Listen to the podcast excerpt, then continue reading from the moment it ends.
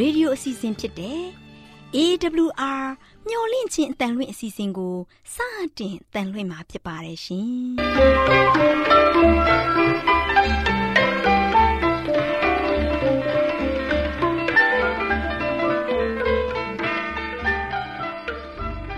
တော်တာရှင်များခင်ဗျာမျော်လင့်ခြင်းအတန်မြန်မာအစီအစဉ်ကိုနက်နက်6နိုင်မိနစ်30မှ9နာရီအထိ16မီတာ kHz 10653ညညပိုင်း9နာရီမှ9နာရီမိနစ်30အထိ16မီတာ kHz 19533ညမှ နေ့စဉ်အတန်လှွင့်ပေးနေပါတယ်ခင်ဗျာ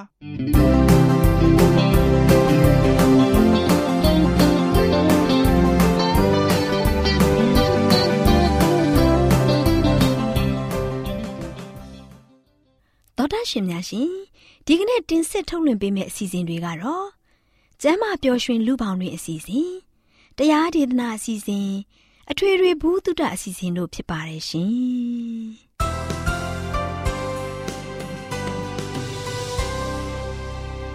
တော်တာရှင်များရှင်အာရော temperament လာပန်ကျမ်းမာခြင်းသည် လူသားတိုင်းအတွက်အဓိကအရေးဖြစ်ပါသည်ဒါကြောင့်ကိုရောစိတ်ပါကျမ်းမာစေဖို့ယင်ကျမ်းမာခြင်းတရင်ကောင်းကို တင်ဆက်ပေးလိုက်ပါတယ်ရှင်။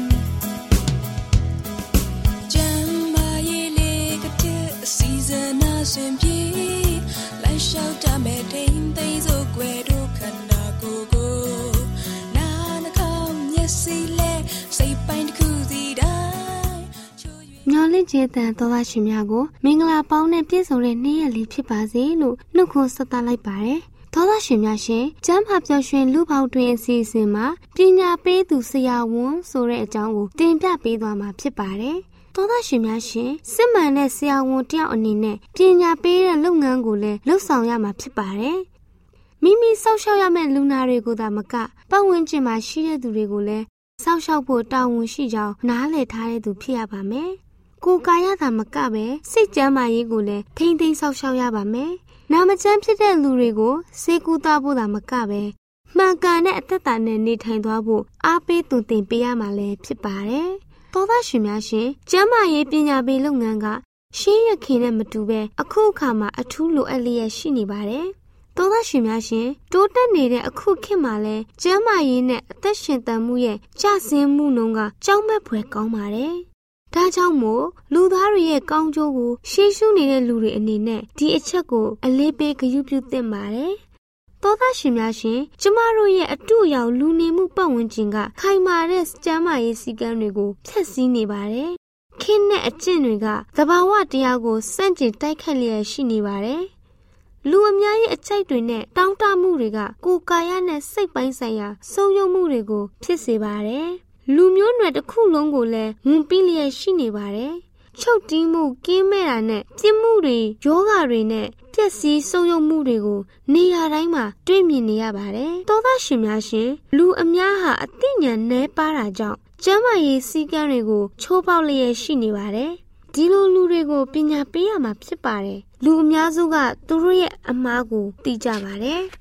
ဒါကြောင့်မို့သူတို့တွေကိုမိမိတို့ရရှိထားတဲ့အသည့်တရားနဲ့အသက်ရှင်နေထိုင်သွားဖို့တုံသင်ပေးရပါမယ်။မှန်ကန်တဲ့တုံသင်ချက်များနဲ့မှားယွင်းတဲ့အယူအဆတွေကိုပြုပြင်နိုင်ပါတယ်။အစိတ်တောက်ပြင်းတဲ့ဆေးဝါးတွေကိုလွတ်လပ်စွာအသုံးပြုတာကယောဂတွေကိုတိုးပွားစေပြီးဆိုးရွားတဲ့အန္တရာယ်တွေကိုဖြစ်စေပါတယ်။ ဆေးဝါးတစ်မျိုးနဲ့ယောဂတက်တာမှုကိုချစ်ချင်းမရရင်တခြားဆေးတစ်မျိုးကိုပြောင်းတောက်တာကအန်တရဲ့ပုံမှုဆိုးရွားလာပါတယ်။တခါတရံမှာ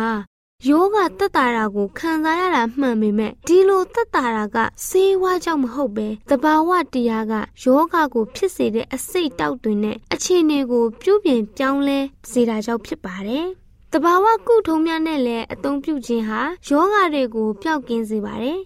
သောသားရှင်များရှင်ဖျားနာတာကကျမ်းမာရေးပြည့်ညက်ချက်တွေကိုချိုးဖောက်တဲ့အတွက်ဖြစ်ပေါ်လာတဲ့အကျိုးဆက်ပဲဖြစ်ပါတယ်။ဒီအရာကိုဖယ်ရှားဖို့တဘာဝလှုပ်ဆောင်ချက်တွေကိုလိုအပ်လာကြောင်းသိနာလည်စေရပါတယ်။ဖျားနာတယ်ဆိုရင်လည်းအကြောင်းရင်းကိုရှာဖွေရပါမယ်။ကျမ်းမာရေးနဲ့မညီညွတ်တဲ့အရာတွေကိုဖယ်ရှားပြီးမှားယွင်းတဲ့အကျင့်တွေကိုပြုပြင်ရပါမယ် ဒီလိုပြုလုပ်မယ်ဆိုရင်ခန္ဓာကိုယ်တွင်းကအစိတ်အတောက်တွေကိုဖယ်ရှားပြီးပြန်လည်ကျန်းမာဖို့တဘာဝတရားကကူညီပေးပါလိမ့်မယ်သောသားရှင်များရှင်ဒီနေ့မှာကြားသိရတဲ့သတင်းစကားလေးအဖြစ်ကျမ်းမာမှုနဲ့မညီညွတ်တဲ့အရာတွေကိုပြုပြင်ဖယ်ရှားပြီးမှန်ကန်တဲ့လမ်းညွှန်မှုကိုလိုက်လျှောက်ကြပါစို့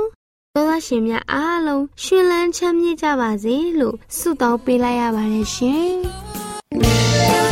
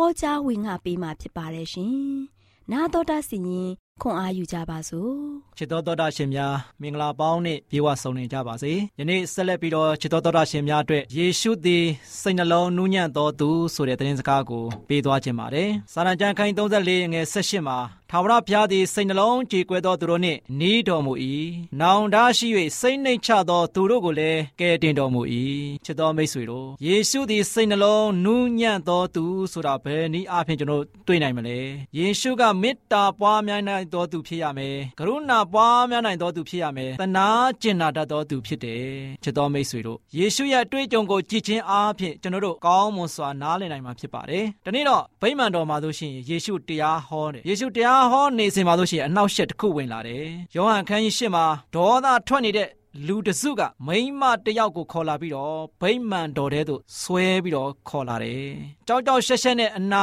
ခံလျက်နဲ့သူမငိုနေမှသိကြတယ်။လူတူမြောင်များစွာပြိတ္တမြောင်များစွာရဲ့ရှေ့မောက်မှာဆိုရှင်ဒီမိန်းမငယ်လေးဟာဆိုလို့ရှိရင်တော့ရှက်ကြောက်ခြင်းမြောင်များစွာနဲ့ရင်ဆိုင်နေရမှာဖြစ်တယ်။ဤပြမခြင်းမျိုးကိုကြောက်ခဲနဲ့ ပြည့်ရမယ်လို့မောရှေကစီရင်ချက်ချခဲ့တယ်ဒီခါမှာလူထုပြိဿကြီးကကိုတော်ကမြည်တို့စီရင်မလဲလို့အလွန်ရေးကြီးတဲ့မေကွန်တစ်ခုပေါ့အပြစ်ရှုသူကိုယေရှုဘယ်လိုစီရင်မလဲလူတွေစိတ်ဝင်စားနေကြတယ်ဒီခါမှာယေရှုကထိုင်ချလိုက်ပြီးတော့မိမိရဲ့လက်ညှိုးတော်နဲ့ခါတဲ့မြေကြီးပေါ်မှာဆိုလို့ရှိရင်စာရေးချလိုက်တယ်ယေရှုသူ့ရဲ့ခေါင်းကိုမော့ပြီးတော့ဒေါသပုံထနေတဲ့သူတွေကိုကြည့်လိုက်တယ်အဲဒီခါမှာအရောက်တိုင်းကယေရှုဘာရေးလဲဆိုတာကိုစိတ်ဝင်စားမှာပဲယေရှုလက်ညှိုးတော်နဲ့ရေးလိုက်တဲ့စာသားကဘာဖြစ်မလဲဆိုတာကိုလူတိုင်းကစိတ်ဝင်စားကြမှာဖြစ်တယ်အဲ့ဒီထဲမှာကျွန်တော်ကျမပါမယ်ဆိုရင်လည်းကျွန်တော်ကျမလည်းတော်တော်လေးစိတ်ဝင်စားမယ် ခင်ယေရှုဘာမြန်ရေးလိုက်တာလဲသခင်ယေရှုကခွန်နာကဒေါသပုံထနေတဲ့လူတို့ကိုဘာစကားတခွန်းမှမပြောဘဲနဲ့စာလေးတစ်ချောင်းပဲရေးလိုက်တယ်အဲဒီစာသားကတော့သင်တို့တွင်အပြစ်ကင်းသောသူသည်ရှေးဥစွာကြောက်ခဲနှင့်ပြစ်စေအဲဒီမိမကိုဘယ်သူပြစ်ရဲမလဲအဲဒီမိမကိုတရားစီရင်ခြင်းတဲ့သူရှိသေးသလားအဲ့ဒီမိန်းမရဲ့အားနဲ့ချက်ကိုအပြစ်တင်တဲ့သူ ရှိသေးသလားအဲ့ဒီမိန်းမကိုလက်သီးလက်မောင်းတန်းပြီးတော့ကြောက်ခဲနဲ့ပြစ်တတ်ရမယ်ဆိုတာကိုထောက်ခံတဲ့သူရောရှိသေးသလားချစ်တော်မိတ်ဆွေတို့ယေရှုရေးသားထားတဲ့စာသားကိုကြည့်ပြီးသွားတဲ့ခါမှာအဲ့ဒီမိန်းမကိုကြောက်ခဲနဲ့ ပြစ်ချင်တဲ့သူတယောက်မှမရှိကြတော့ဘူးအံ့ဩဖွယ်ရပဲ။ယာနာပြိတ္တကြလည်းတော်တော်အံ့ဩနေတယ်။မြင်အောင်ကြည့်ပါ။နောက်ဆုံးတော့ရှက်ကြောက်ပြီးတော့ခေါင်းမမော့ရဲတဲ့အမျိုးသမီးပဲကြံတော့တယ်။ယေရှုရှေ့တော်မှာတေတိုက်တီလို့သူမကိုကိုသူမသိလျက်တုံတုံရင်ရင်နဲ့သူမမတ်တထနေတယ်ယေရှုကတင့်ကိုပြစ်တင်တဲ့သူများဘယ်ရောက်ကုန်ပြီလဲလို့မေးလိုက်ပါတယ်ထိုအခါမှာထိုမိန်းမကလည်း ယေရှုမေးတဲ့အခါမှာသူတို့မရှိတော့ပါလို့သူမပြန်ပြောလိုက်တယ်။အဲ့ဒီခါမှာယေရှုကလည်းငါလည်းတင့်ကိုအပြစ်မစီရင်ဘူး။သွား၍အပြစ်မလုပ်နဲ့တော့လို့မိန့်တော်မူလိုက်ပါတယ်။ယေရှုကအပြစ်ကိုလွတ်တယ်။လူတိုင်းကိုအခွင့်အရေးပြန်ပေးတဲ့သူဖြစ်ပါတယ်။ချစ်တော်မိတ်ဆွေတို့တလောဒေါသဘုံထနေတဲ့ သူတွေသူ့ရဲ့တရားစရက်တဲ့တရားဟောနေတဲ့ချိန်မှာဝင်ရောက်လာတဲ့ခါမှာ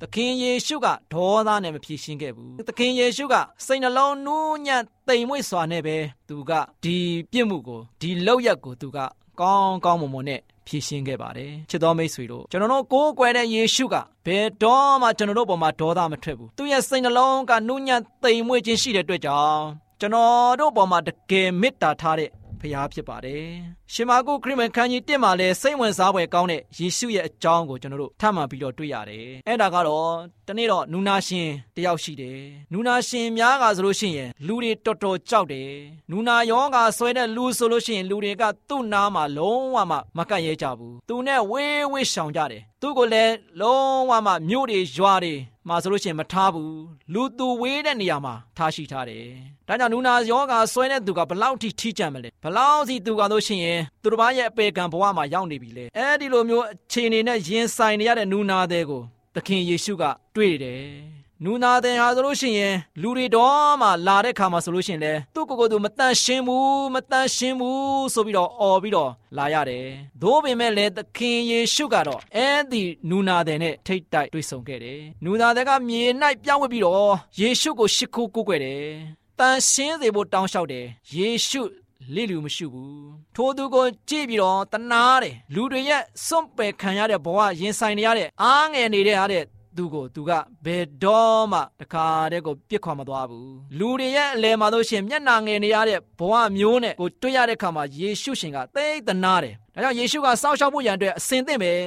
ဘယ်သူကမှမထိရဲမတို့ရဲတဲ့နူနာရှင်ကိုယေရှုကတို့လိုက်တယ်နူနာယောဂါပျောက်စေလိုက်တယ်ချစ်တော်မိတ်ဆွေအပေခံနူနာရှင်လေးရလို့ရှင်ဘလောက်ပျော်ရွှင်သွားမလဲဘလောက်ဝမ်းမြောက်သွားမလဲစဉ်းစားကြည့်ပါယောဂပျောက်သွားတဲ့ခါမှာ အိမ်ကိုပြန်သွားတယ်အိမ်ကမိသားစုသားသမီးတွေရောဘလောက်ဝမ်းမြောက်နေမလဲချစ်တော်မိတ်ဆွေကျွန်တော်တို့ကိုးကွယ်တဲ့ယေရှုကစိတ်နှူးညံ့တိမ်မွေ့တဲ့သူဖြစ်တယ်။စိတ်မသာညည်းတွားသောသူကိုစိတ်သက်သာခြင်းခွင့်ကိုပေးတယ်။မကြမ်းမာတဲ့သူကိုကြမ်းမာခြင်းခွင့်ကိုပေးတယ်။ဝမ်းနည်းနေတဲ့သူကိုနှစ်သိမ့်တယ်။ဒါကြောင့်ယေရှုရှင်ရဲ့နူးညံ့တိမ်မွေ့တဲ့စိတ်သဘောထားဟာယနေ့ကျွန်တော်တို့ပေါ်မှာဘလောက်ထိမုံမြတ်တယ်လဲ။ ကျွန်တော်တို့အားလုံးမိတ်ဆွေတို့အပေါ်မှာဘလောက်ထိယေရှုရဲ့မေတ္တာတော်ကကြီးမားတယ်လေဒီအတွက်ကြောင့်ကျွန်တော်တို့ရဲ့ဘဝတက်တာတစ်ခုလုံးကိုဖရာသခင်ကကွယ်ကာစောင့်ရှောက်နေတယ်သူရဲ့သားသမီးတွေဘာတွေလိုအပ်နေတယ်လဲသူရဲ့သားသမီးတွေဒုက္ခရောက်တဲ့ခါမှာဆိုရှင်သူရဲ့စိတ်နှလုံးသားကဘယ်တော့မှခက်ထန်ကြမ်းတမ်းသောစိတ်နှလုံးသားနဲ့ ကြည့်ရှုခြင်းမဟုတ်ဘဲနဲ့နုညံ့ငြိမ်သက်ခြင်းဒီဟုသောတနာကျင်တဲ့စိတ်ဓာတ်နဲ့ကျွန်တော်တို့ကိုကြည့်ရှုနေပါတယ်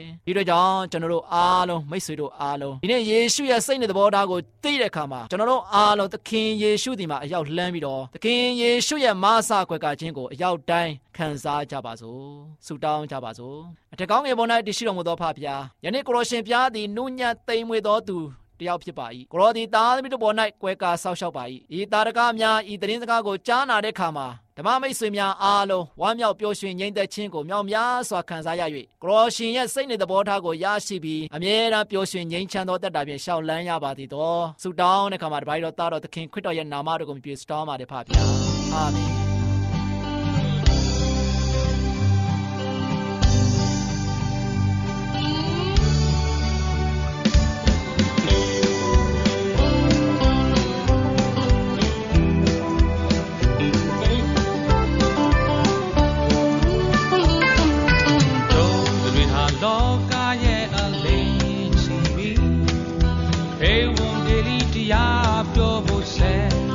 Sending your legend.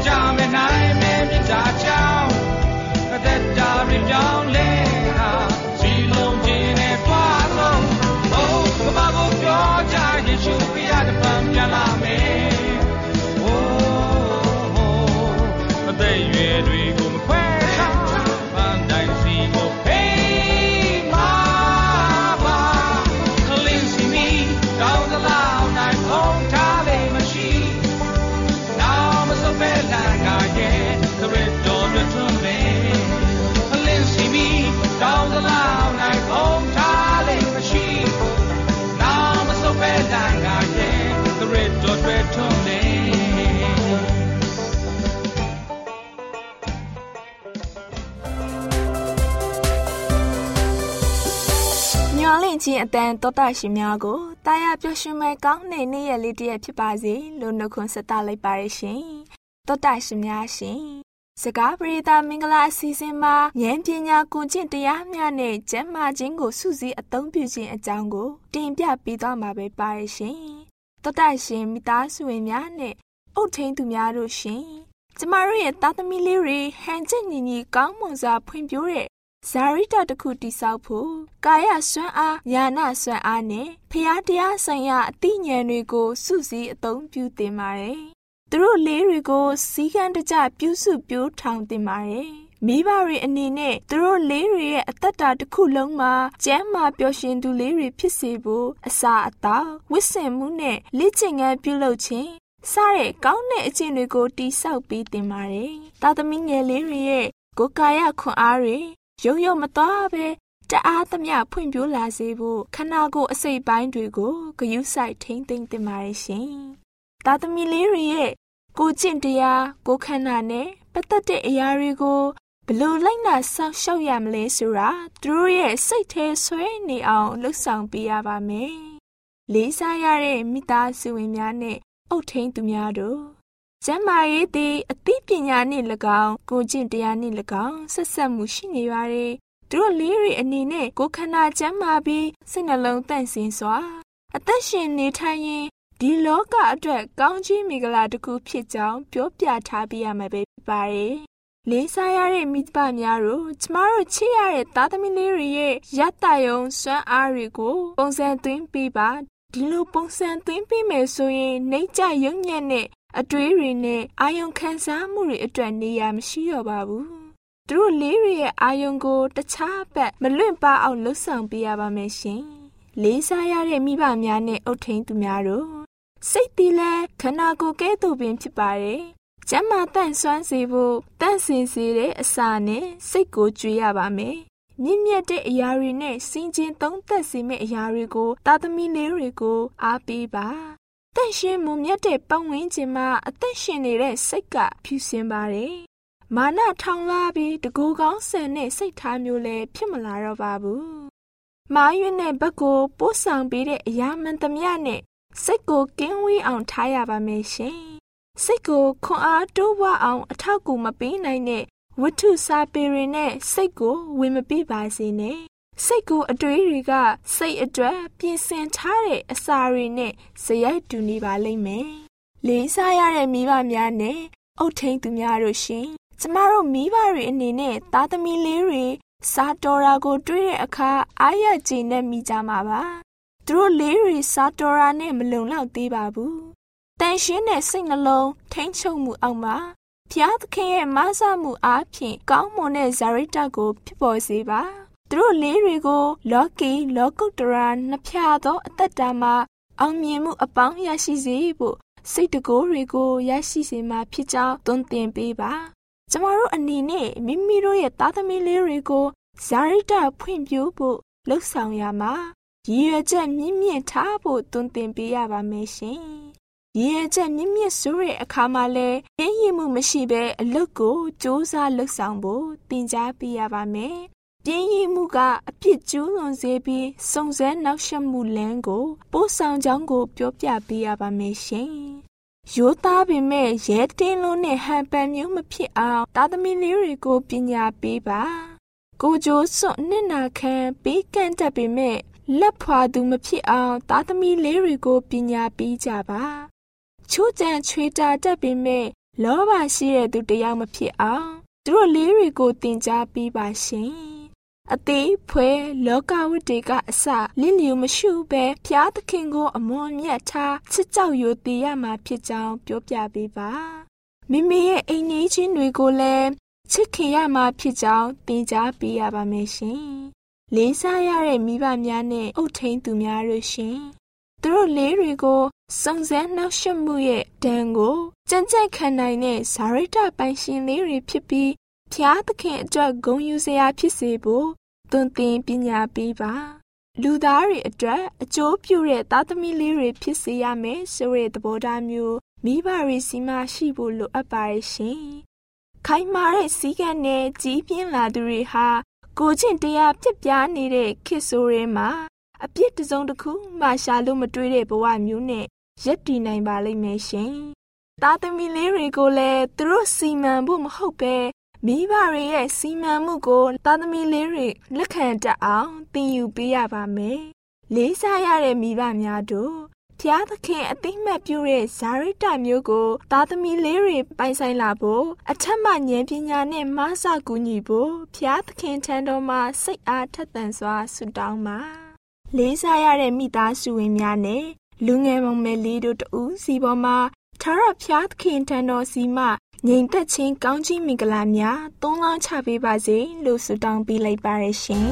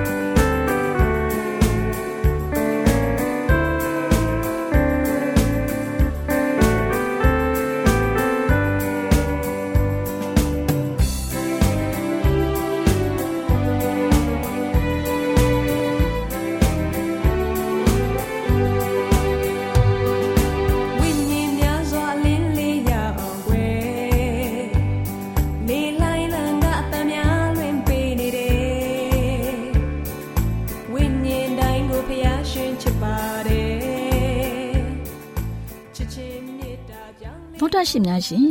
ကျမတို့ရဲ့ဗျာဒိတ်တော်စပေးစာယူသင်တန်းဌာနမှာ အောက်ပါသင်တန်းများကို ပို့ချပေးလျက်ရှိပါတယ်ရှင်